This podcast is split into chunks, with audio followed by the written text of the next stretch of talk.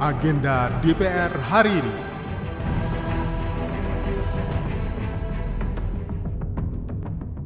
Anggota Komisi 7 DPR RI, Ratna Juwitasari, melakukan kunjungan kerja ke Dapil dan menyerap berbagai aspirasi yang disampaikan oleh masyarakat.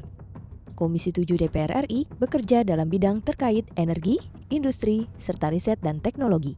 Dalam kunjungan ke dapilnya di daerah Jawa Timur 9, ia menemukan bahwa meskipun di Pulau Jawa, ternyata banyak rumah warga yang masih belum memiliki jaringan listrik. Jadi seperti biasa, kalau reses itu pasti kita ada momen untuk bisa dialog langsung dengan para konstituen, menyerap aspirasi mereka, kebutuhan-kebutuhan apa yang mereka perlukan dan bisa disinergikan dengan komisi kita. Terkait pemasangan listrik, banyak sekali di dapil saya, Kabupaten Tuban dan Kabupaten Bojonegoro itu rumah-rumah yang belum memiliki jaringan listrik secara mandiri. Jadi rata-rata mereka tuh masih nyalur ke saudaranya, ke tetangganya, kayak gitu-gitu.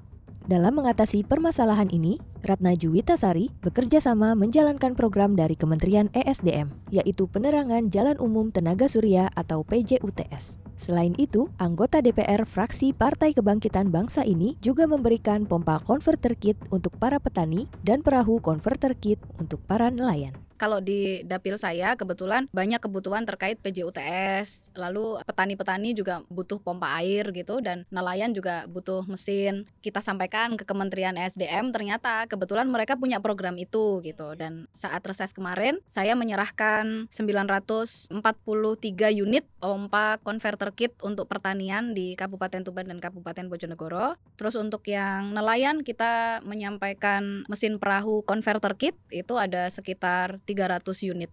Selain itu, anggota legislatif muda ini juga bekerja sama dengan Kementerian Perindustrian dalam menyelenggarakan berbagai pelatihan wirausaha. Kembali Ratna Juwitasari kita juga memberikan banyak sekali pelatihan-pelatihan karena saya kan uh, bermitra dengan perindustrian juga. Jadi ada banyak pelatihan yang diberikan oleh Kemenperin untuk memotivasi supaya masyarakat itu berani membuka wirausaha gitu.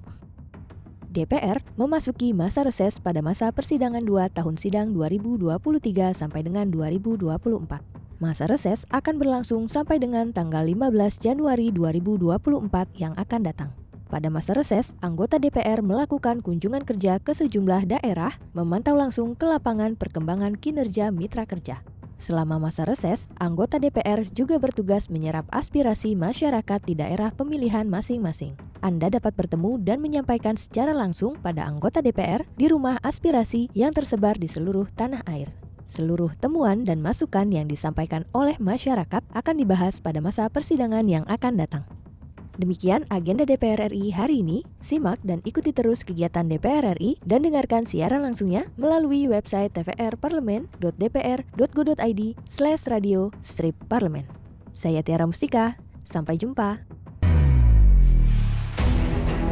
Agenda DPR hari ini.